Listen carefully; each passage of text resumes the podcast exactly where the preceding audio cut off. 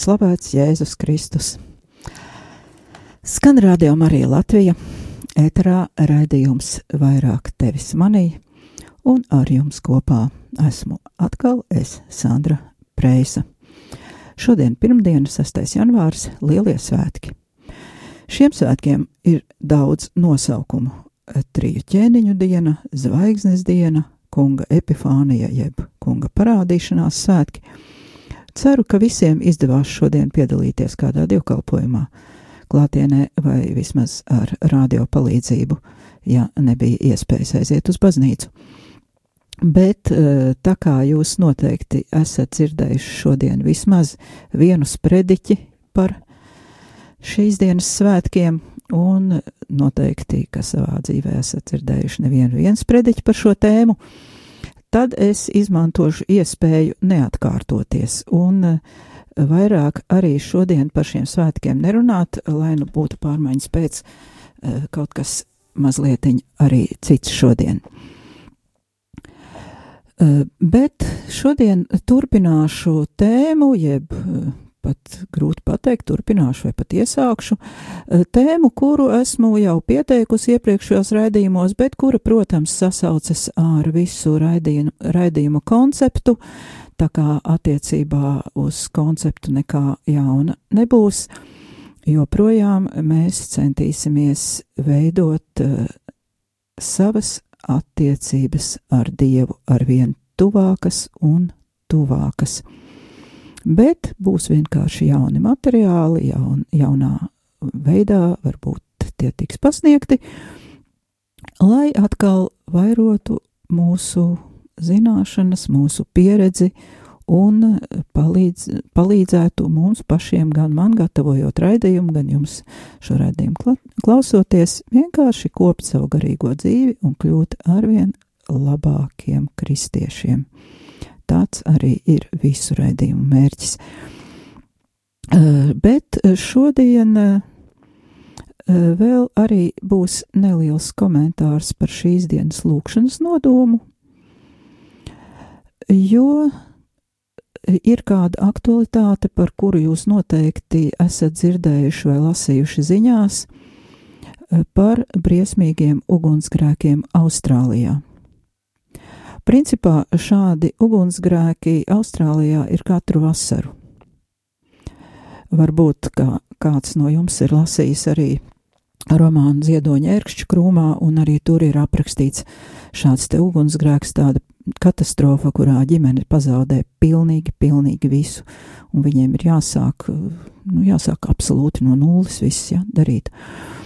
Lūk, tā kā atsevišķām ģimenēm, atsevišķās teritorijās šādi ugunsgrēki ir bijus, bijuši postoši un nāvējoši vienmēr, katru gadu tur kaut kas tāds notiek, taču nekad tie nav bijuši tik briesmīgi un nav bijuši tik milzīgi postījumi visā kontinentā, kā tas ir šogad. Parasti tas bija vairāk dienvidu daļā un tur, kur ir sausāks un nebija nekad okeāna krastos šie ugunsgrēki, tagad ir visur.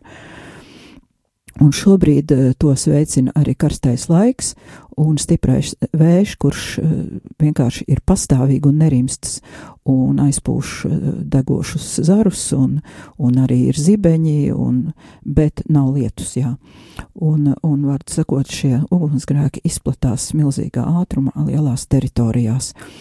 Ja mēs gribam salīdzināt šos ugunsgrēkus ar kaut ko, nu, lai saprastu tos apmērus, uh, Tad atcerieties, ka nesen degā Amazonas uh, lietusmeži, un arī visa pasaule bija ļoti satraukusies par to um, ugunsgrēku ietekmi. Pirmkārt, nodeg koki, tā tad nebūs, uh, kā saka, planētas plaušas nodeg, un otrkārt vēl ceļas dūmi, kuri, kuri piesārņo debesis, kuri var aizsekt uh, sauli un radīt uh, klimata pārmaiņas uh, tur, kur viņi šo sauli aizsedz, ja? tā tad var kaut kādas negaidītas temperatūras krišanu radīt, piemēram. Bija arī šausmīgi ugunsgrēki Sibīrijā, kur mēs zinām, ka bija ciemati, kur bija atgriezti no pasaules un kur bija risks, ka tur sadeg visi cilvēki. Eh, jo viņi, viņus no visām pusēm aptver uguns. Tādas šausmas bija, un tagad iedomāsimies, ka tīri aritmētiski summējam Amazoni un Sibīriju, un iznāk Austrālija. Uh, lai vēl varbūt labāk saprastu, nosaukšu dažus faktus. Šobrīd ir izdegusi platība, kura jau pārsniedz Latvijas teritorijas apmērus.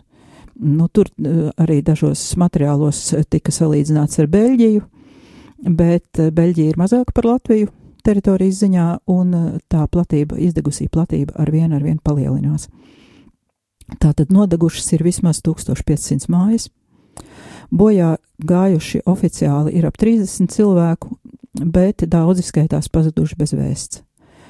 Ir sadeguši apmēram 5 miljoni dažādu dzīvnieku, un mēs zinām, ka Austrālijā ir ļoti tādi īpaši dzīvnieki, kuri nekur citur nedzīvo. Uh, Un tā tad ir iespējas, ka mēs pazaudējam, vispār pazaudējam kaut kādas atsevišķas sugas, tos somaiņus, tos brīnumainos dzīvniekus, kādi ir tikai Austrālijā un nekad nekur, nekur citur nav bijuši. Tā tad ir nodeguši ap 5 miljoni dažādu dzīvnieku. Ir gājuši bojā aptuveni 8000 koalas, jo viņi ir ļoti lēni un nespēja aizbēgt no uguns. Ap 100 tūkstoši cilvēku ir devušies piespiedu evakuācijā. Tas nozīmē, ja mēs runājam šeit, ka mums ir te tuvo austrumu bēgļi un tam līdzīgas lietas, tad e, Austrālijā pašu cilvēki pašā, paši savā zemē kļūst par tādiem bēgļiem. Un e, šo bēgļu skaits jau sasniedz simts tūkstošus. Nu, iespējams, ka būs vairāk, jo ugunsgrēki nerimstas. Un pie tam šie cilvēki ir reāli pielīdzināmi bēgļiem, jo viņi dodas tādā piespiedu evakuācijā, pilnīgi bez nekā, jo, ja tā uguns nāk virsū, vienkārši glābšanas dienas ierodas pie mājām un visiem liek savas mājas atstāt, un tas ir pusstundas, stundas līdz divu stundu laikā cilvēkiem vienkārši ir viss jāatstāj un jāglābi savu dzīvību. Sidnejā aizdūmojuma dēļ nav redzami pat debesu skrāpi, viss ir satinies melnos dūmos, visa pilsēta, un cilvēki smog dūmos. Un tas arī ir nopietni, jo ir bijuši gadījumi jau pasaulē, kur tā saucamajā smogā, šādos te dūmos, rūpnīcas kursteņu dūmos gan toreiz, ir cilvēki slāpuši un dabūjuši dažādas plaušu slimības un izmirušas veselas pilsētas. Tā kā šis te aizdomojums arī ir ļoti nopietns. Un arī Melburnai draud līdzīga situācija. Visā kontinentā temperatūra ir 38 līdz 46 grādi pēc Celsija karstums, un vēja stiprums mēdz būt līdz pat 34 metriem sekundē. Un pie mums Latvijā, ja mums ir 20 metri sekundē, tā jau ir nopietna vētra. Un tātad tur ir līdz pat 34 metriem sekundē, un tas vējš iepūš šais degošajos mežos un nes uguni tālāk. Šodien dzēsējiem pievienojās 3000 brīvprātīgo, bet uh, iedomāsimies, uh, ko nozīmē 3000 brīvprātīgo, ja Austrālija, uh, kura ir reizē valsts un reizē kontinents, uh, ir tikpat liela kā visa Eiropa. Iedomāsimies, ka deg uh, sākot no Latvijas līdz pat Portugālei un Spānijai visa Itālija, Polija, Beļģija, Nīderlande, Vācija, visas valstis, kas ir starp Latviju un Spāniju, jā, viss šis te milzīgais gabals, viss ir ugunī. Jūs varat iedomāties, kāds darbs ir ugunsdzēsējiem. Un uh, ir arī bija, ir ziņas, ka arī Austrālijā dzīvojušie latvieši ir cietuši. Uh, nav ziņu par bojā gājušajiem, bet ir bijušas jāatstāj mājas, un arī tur pašlaik notiek uh, latviešu nometne bērniem. Uh, nu, bērniem ar vecākiem ģimeņu nometni 3x3, un šī nometne bija spiesta pārcelties uz citu vietu, jo tur, kur bija nometnes, no, nometnē paredzēts notikt, bija uguns apdraudējums. Un kāpēc šis viss ir vēl jo īpaši briesmīgi? Tādēļ, ka Austrālija ir dienvidu puslodē un tur tagad ir vasara, tikko, kā saka, sākusies. Un lietus periods, dabiskais lietus periods, eh, sāksies tikai martā, aprīlī. Tas nozīmē, ka, eh, ja lietus tagad nelīs, tie ugunsgrēki vienkārši turpināsies, un potenciāli kaut kādas cerības uz dabisku lietu ir tikai martā, aprīlī. Un tāpēc tiešām mums ir jālūdzās, ir vajadzīgs Dieva brīnums. Un eh, par to mēs arī tūlīt lūksimies, bet ir viena priecīga vēsts. Eh, protams, Dievs neatstāja cilvēkus vienus, ja viņi lūdz, un neliels lietus jau ir sācies, un austrālieši jau dzīvo pateicībā, bet joprojām ir jālūdz, jo šā lietus var būt par maz, jo ugunsgrēki ir tik briesmīgi, ka ar tādu vienkāršu vasaras lietutiņu tur nekas nebūs līdzēts. Un tagad uh, ieklausīsimies lūkšanas vārdos un pievienosim savas sirdis šiem vārdiem. Uh, tā ir lūkšana, ko es iztulkoju, kuru izplatīja sociālajos tīklos paši austrālieši. Un tad atvērsim sirdis un pievienosimies šai lūkšanai. Tātad lūksimies par Austrāliju Dieva tēva un dēla un svētā gara vārdā Āmen. Ak, Dievs mūsu radītāji, Tu esi visas dzīvības avots Pateicoties tavai dievišķajai apredzībai un spēkam, mūs apņem visu radīto lietu skaistums. Cik liels ir tavs vārds visā zemē, tā mēs lūdzamies ar psalma vārdiem. Un tagad mēs lūdzam, lai tu, kas savaldi trakojošus ūdeņus un valdi pār vējiem, dāvā mums lietu pietiekamā daudzumā, lai ar to pietiktu trakojošo ugunsgrēku apturēšanai. Šis sausuma laiks liek mums no jauna pārdomāt mūsu atkarību no tevis, kas uzturi mūsu miesu un dvēseli. Mēs lūdzam sūti mums vēsu laiku, sūti maigu un dzīvinošu lietu, lai tie atjaunotu dzīvību mums visapkārt, dārzus un labības laukus, kuri mūs baro, krāšņo ziedu varavīksni pļavās un veldzējošo ēnu, kur mums sniedz koki. Mēs lūdzam par visiem, kuri cieš no dabas katastrofām, lai viņi, uzlūkojot tevi, saņem spēku, atjaunot savu dzīvi un dziedēt savas ievainotās zemes brūces. Palīdzi mums būt labiem, šīs skaistās zemes pārvaldniekiem, rūpēties par tās dabu un resursiem, atjauno mūsu dvēseles savā lielajā žēlsirdībā. Mēs to lūdzam caur Jēzu Kristu un Mariju, debesis un zemes karalieni. Tēvs mūsu, kas esi debesīs, Svētīts lai top tavs vārds, lai atnāk tava valstība, tavs prāts, lai notiek kā debesīs, tā arī virs zemes. Mūsu dienascho maizi dod mums šodien, un piedod mums mūsu parādus, kā arī mēs piedodam saviem parādniekiem, un neieved mūsu kārdināšanā, bet atpestī mūs no ļaunā. Āmen!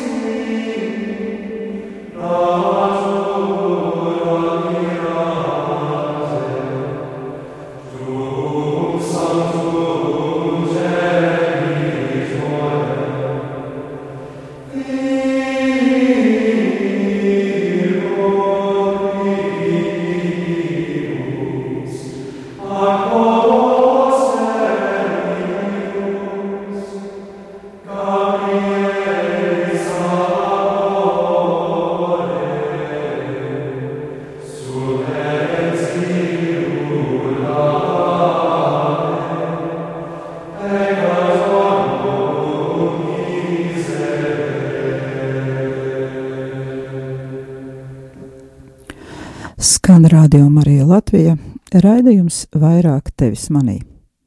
Un ar jums kopā esmu es, Sandra Preisa, tikko izskanēja adventam, uh, adventa laika himnā mūsu dievmātei Marijai, un turpinām tagad uh, iesākt to raidījumu, un tagad jau pie tēmas.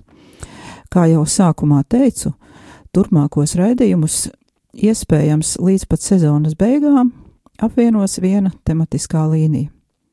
Tās nosaukums varētu būt 21. gadsimta kristietis, kā izdzīvot savu ticību pēcpatiesības laikmetā. Tas ir tāds, jā, tiešām tāds kopējais nosaukums, kopējā vadlīnija visiem turpmākajiem raidījumiem, un tā kā temats ir ļoti plašs, tad, protams, arī būs daudz un dažādu materiālu pārdomām.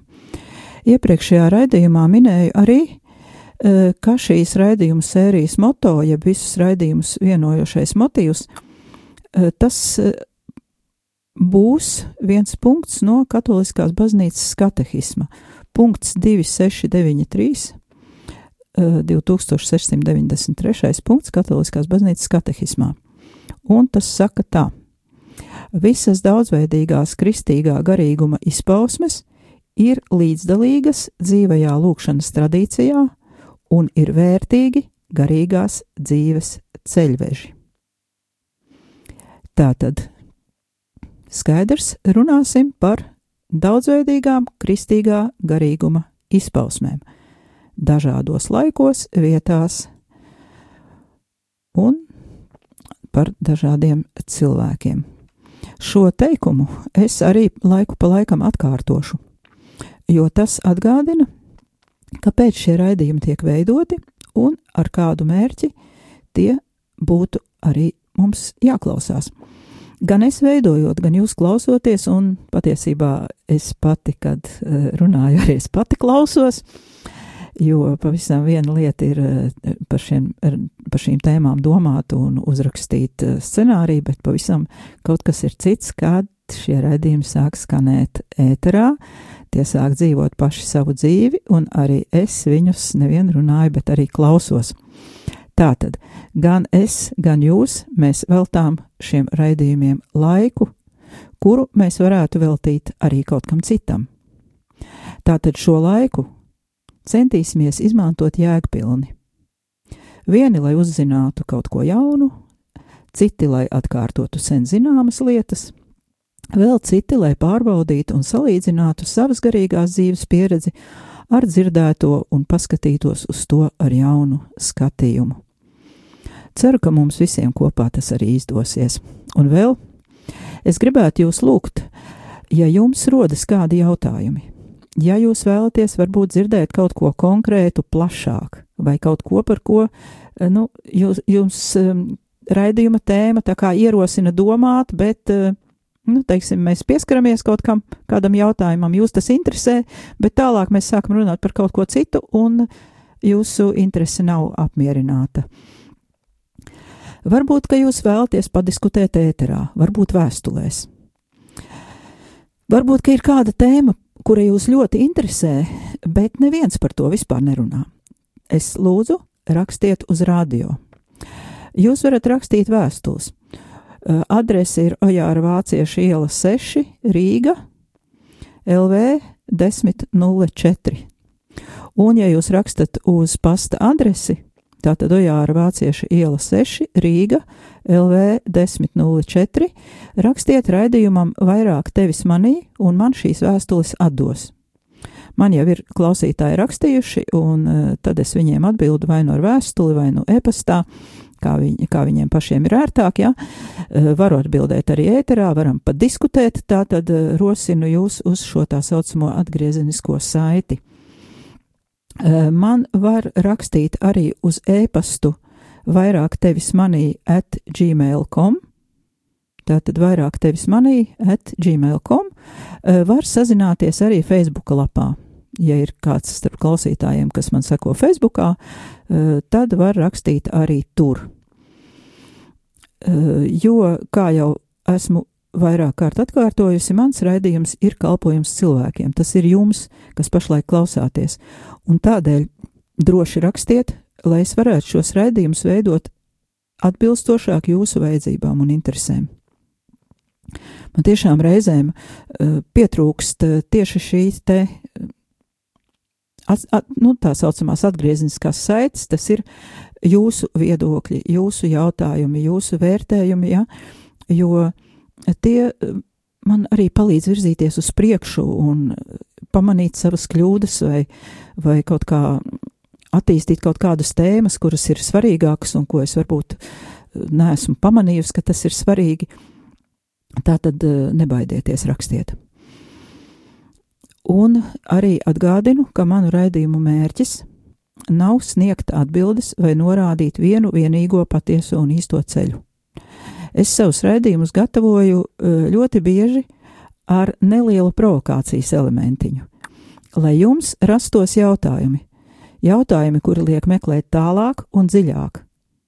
Varbūt šos jautājumus jūs varat uzdot man, varbūt jūs šos jautājumus varat uzdot paši sev, vai pārunāt ar saviem garīgajiem draugiem.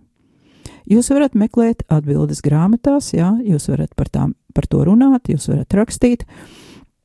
Tā tad, jā, ja jūs dzirdat kaut ko tādu manos raidījumos, kas jums liek satraukties, sadusmoties vai sainteresēties, tad es teikšu, tā mans redzējums ir sasniedzis mērķi, jo patiešām es šīs te provokācijas ietveru, jo um, man gribētos, ka šie raidījumi neizskan kā vienkārši tāda jauka parunāšana vakarā starp desmitiem un vienpadsmitiem, bet uh, lai tie atstātu kādas dziļākas sekas jūsu dzīvē, lai tie rosinātu jums meklēt, varbūt pat kaut ko pavisam citu, varbūt kādus materiālus, eh, ar kuriem jūs varētu tā kā pastrīdēties ar mani, jā, vai, vai tiešām tiešā veidā pastrīdēties, vai vienkārši savās domās padiskutēt.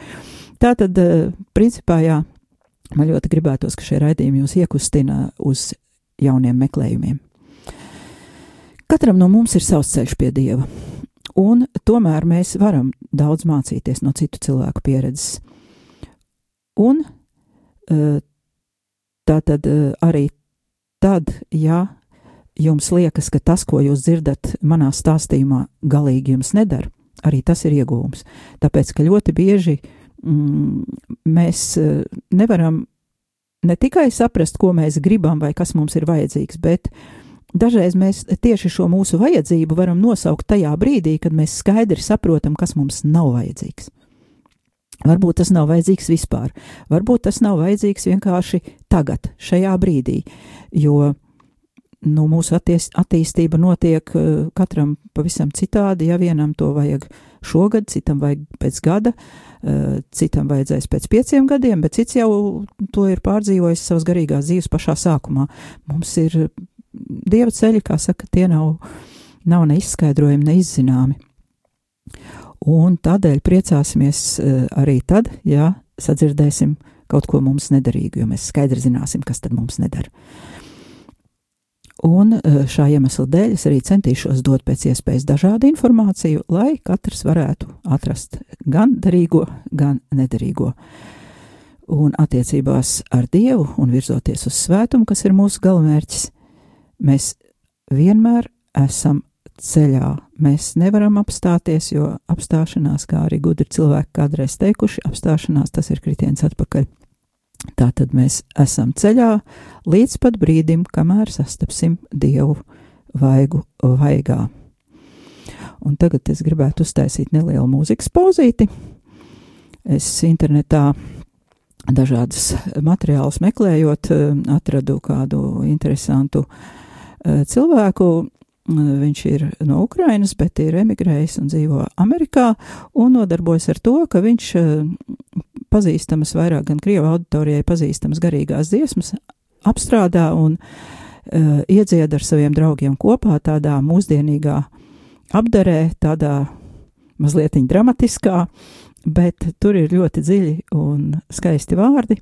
Vārdi gan būs krieviski, bet, nu, es domāju, ka daudzi no jums to saprot. Uh, valodu. Tā kā tagad uh, muzikālā pauzīte. Simons, uh, Simons uh, Horolskis, Simons Horolskis, jā, tā viņu sauc, Simons Horolskis un draugi. Un dziesma uh, manas dzimtās mājas ir debesis, tā viņas sauktos latviski.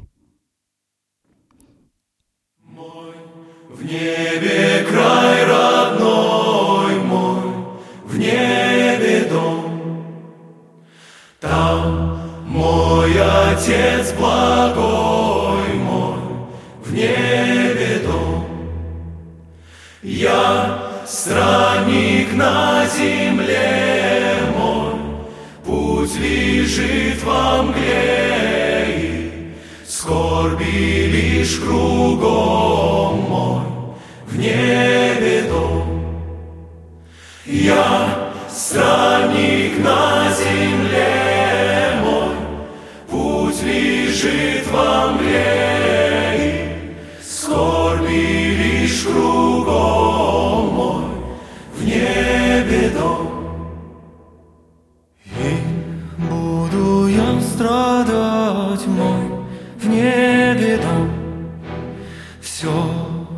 не могу роптать мой в небе дом.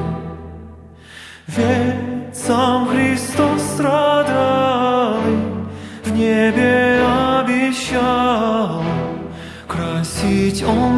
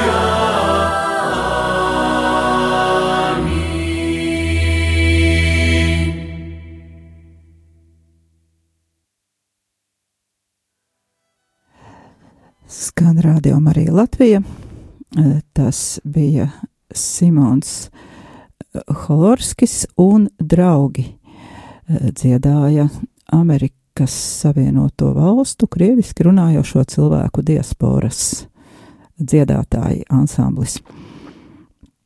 Eh, Bet tagad turpinām raidījumu. Eh, Nevelti es arī ieliku šo dziesmu, jo tā kā jau dzirdējāt, saucās Moj viņebe dom, moj viņebe krairadnoj.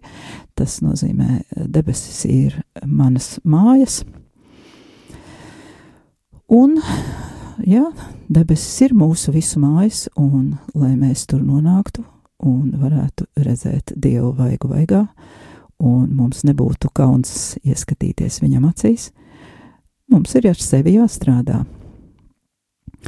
Un tā tad eh, nākamie raidījumi arī būs tā kā palīgs eh, tam, eh, lai mums būtu vieglāk un saprotamāk pašiem ar sevi strādāt. Un, kā jau teicu, atrast to, kas der, un atrast arī to, kas mums nedara, nu, nemaz. Šīs sezonas sākumā es divos raidījumos stāstīju par kādu pieredzi, kura man apstiprināja, ka tēma, kuru risinu savā raidījumā, patiešām ir aktuāla. No 4. līdz 6. septembrim radio uzdevumā es piedalījos kādā konferencē, kura bija domāta cilvēkiem, kuri ar mediju palīdzību komunicē ar citiem cilvēkiem. Tie ir gan profesionāli žurnālisti, gan arī e, varbūt neprofesionāļi, bet katrā gadījumā cilvēki, kuri izmanto kaut kādus medijus, varbūt tie ir sociālie tīkli, Twitter, vai Facebook, vai draugi, vai, vai Instagram, vai vēl kāds cits tīkls, eh, kuri, jā, kuri komunicē ar citiem cilvēkiem, kuri ir kristieši, un kā, ko tad viņiem darīt, kā viņiem izmantot šos medijus, lai sasniegtu to mērķi, kuru mums ir noteicis pats Kristus. Ejiet un sludiniet visām tautām. Tātad šīs konferences oficiālais nosaukums bija Fórums kristīgajiem komunikatoriem Kristietība vieno, jeb angliski Christianity Connects. Un tajā tātad piedalījās gan dažādu valstu žurnālisti, gan uh, dažādu valstu priesteri, gan arī cilvēki, kur pārstāvēja visdažādākās profesijas, gan politiķi, gan ārsti, mediķi, gan um, žurnālisti, gan, uh, gan, gan, gan nu, dažādu pro, profesiju pārstāvji, ļoti dažādu profesiju pārstāvji, bet kurus vieno tas, ka viņi uh, dziļi izdzīvo kristīgo ticību un ka viņiem ir ko teikt. Un galvenās tēmas šai konferencē bija kristīgā žurnālistika, par to es mazliet jau stāstīju septembrī. Tad uh, nākamā tēma uh, bija kristietība 21. gadsimtā, uh, kristiešu vajāšanas un kristieši un ģimene. Un tā tad uh, šīs te pēdējās nosauktās trīs tēmas - kristietība 21. gadsimtā, kristiešu vajāšanas, kristieši un ģimene. Tas viss ir uh, mums ļoti aktuāli, un mums kā lajiem jo īpaši aktuāli uh, arī šī tēma par ģimeni, kura ir, uh, nu, faktiski, kā mēs saprotam, ģimene ir visam pamatā, tā tad arī par to mēs runāsim. Un tā tad tie arī būs tādi, tā, tā centrālā tematika, ap ko tad visi raidījumi, kā saka, grozīsies. Tas varbūt nav īsti labākais vārds, jā, bet, nu, tā tad visas, visas, visas šīs te tēmas caurvīs nākamos raidījumus, bet tas nenozīmē, ka mēs runāsim tikai par mūsdienām, mēs runāsim arī par vēsturi un uh, saprotamu iemeslu dēļ. Daudzi noteikti jau tāpat saprot, bet uh, es vēl arī pastāstīšu, uh, kādi ir citu cilvēku viedokļi, kāpēc par vēsturi būtu jārunā.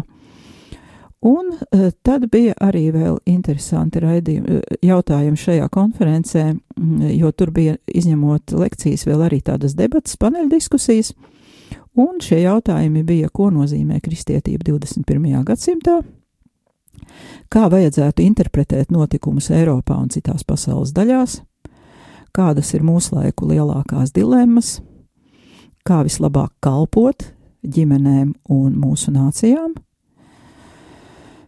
kas veido kristīgās vērtības un kuras vērtības mūsdienās ir visvairāk apdraudētas. Ja arī uz šiem jautājumiem mēs pameklēsim atbildes, un tāpēc man arī būtu liels prieks uh, saņemt no jums kādas vēstules gan ar jautājumiem, gan varbūt arī ar atbildēm. Varbūt uh, jums ir idejas, kā kristiešiem šobrīd dzīvot un kā uz šiem te jautājumiem atbildēt un atbildēt ne tikai mutiski, ja tā kā mēs parunājamies te tagad, bet atbildēt ar visu savu dzīvi, ar rīcību un, nu, lai kaut kas arī notiek, lai būtu rezultāts, nevis tikai tāda parunāšanās tramvajā vai pie vīna glāzes vai arī tēterā, nu viens parunā, otrs paklausās un, un viss paliek tāpat kā bija, ja. Tā tad uh, atbilde uz šiem jautājumiem, atbildēm vajadzētu būt reālai darbībai un reālām pozitīvām izmaiņām vidē ap mums, un vispirms jau savā ģimenē, un pēc tam arī tālāk sabiedrībā, darba vietā, skolā, kur mēs katrs atrodamies. Un, jā, un pamazītēm eh, šie rezultāti tad arī nestu augļus. Bet tajā ir jāiesaistās mums katram. Tātad šie nākamie raidījumi nekādā gadījumā nebūs konferences lekcija atreferējums, taču no šīs konferences lekcijām es arī dalīšos kaut kādos materiālos, ko es tur esmu dzirdējusi, un kas atbilst arī mūsu izvirzītajām tēmām. Bet šīs tēmas attīstīšu.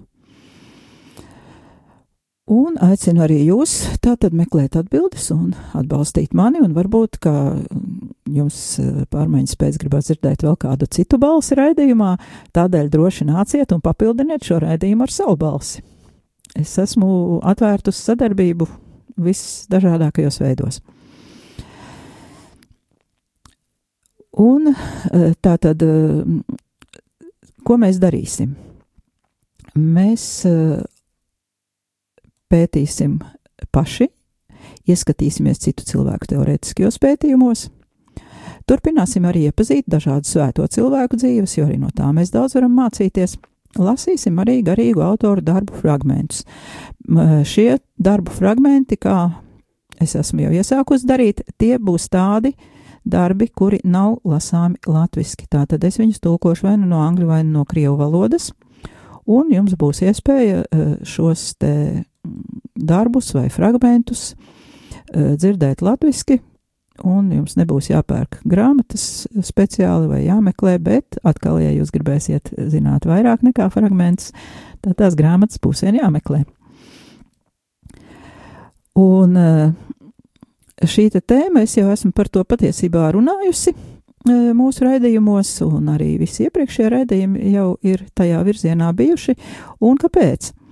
Eh, Karls Rāners, 20. gadsimta teologs, viens no otrā Vatikāna koncila lielajiem teologiem, ir teicis kādu spārnotu frāzi, kur nu, jūs noteikti arī esat daudzreiz jau dzirdējuši, ka 21. gadsimta kristietis vai nu būs mistiķis, vai vispār nebūs kristietis.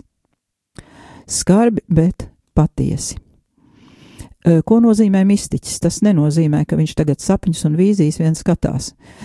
Par mistiķi var uzskatīt jebkuru cilvēku, kurš ir atradis savu ceļu pie dieva un kuram ir personiskas attiecības ar Dievu. Un šīs personiskās attiecības tas nav obligāti tā, ka mēs tur satiekamies vaigu vaigā un runājamies, jo, ja mēs lasām svētos rakstus un zinām kaut cik necik no teoloģijas, tad zinām arī to, ka Dievu vaigu vaigā faktiski mēs savas grēcīgās miesas dēļ nemaz nevaram uzlūkot, jo mūsu tādi, kā mēs esam šobrīd cilvēki miesā, mēs nevarēsim viņa svētumu klātbūtni panest, un vienkārši mēs tajā brīdī nomirsim. Bet tā kā Dievs ir dzīvības Dievs, nevis nāves Dievs, un Viņš nevienu negrib nogalināt, eh, tad Viņš mums atklājas dažādos notikumos, Viņš mums atklājas caur cilvēkiem, caur mūsu pašu dzīvi. Un, eh, jā, un šīs attiecības ar Dievu, tā tad mums arī katram ir pilnīgi, pilnīgi savādākas, atšķirīgas, un eh, mēs tikai katrs pats eh, patiesībā tā pa īstam varam šīs attiecības noraksturot, un varbūt, ka pat nevaram vārdos nosaukt. Un tas arī nav vajadzīgs. Galvenais, ka šīs attiecības ir.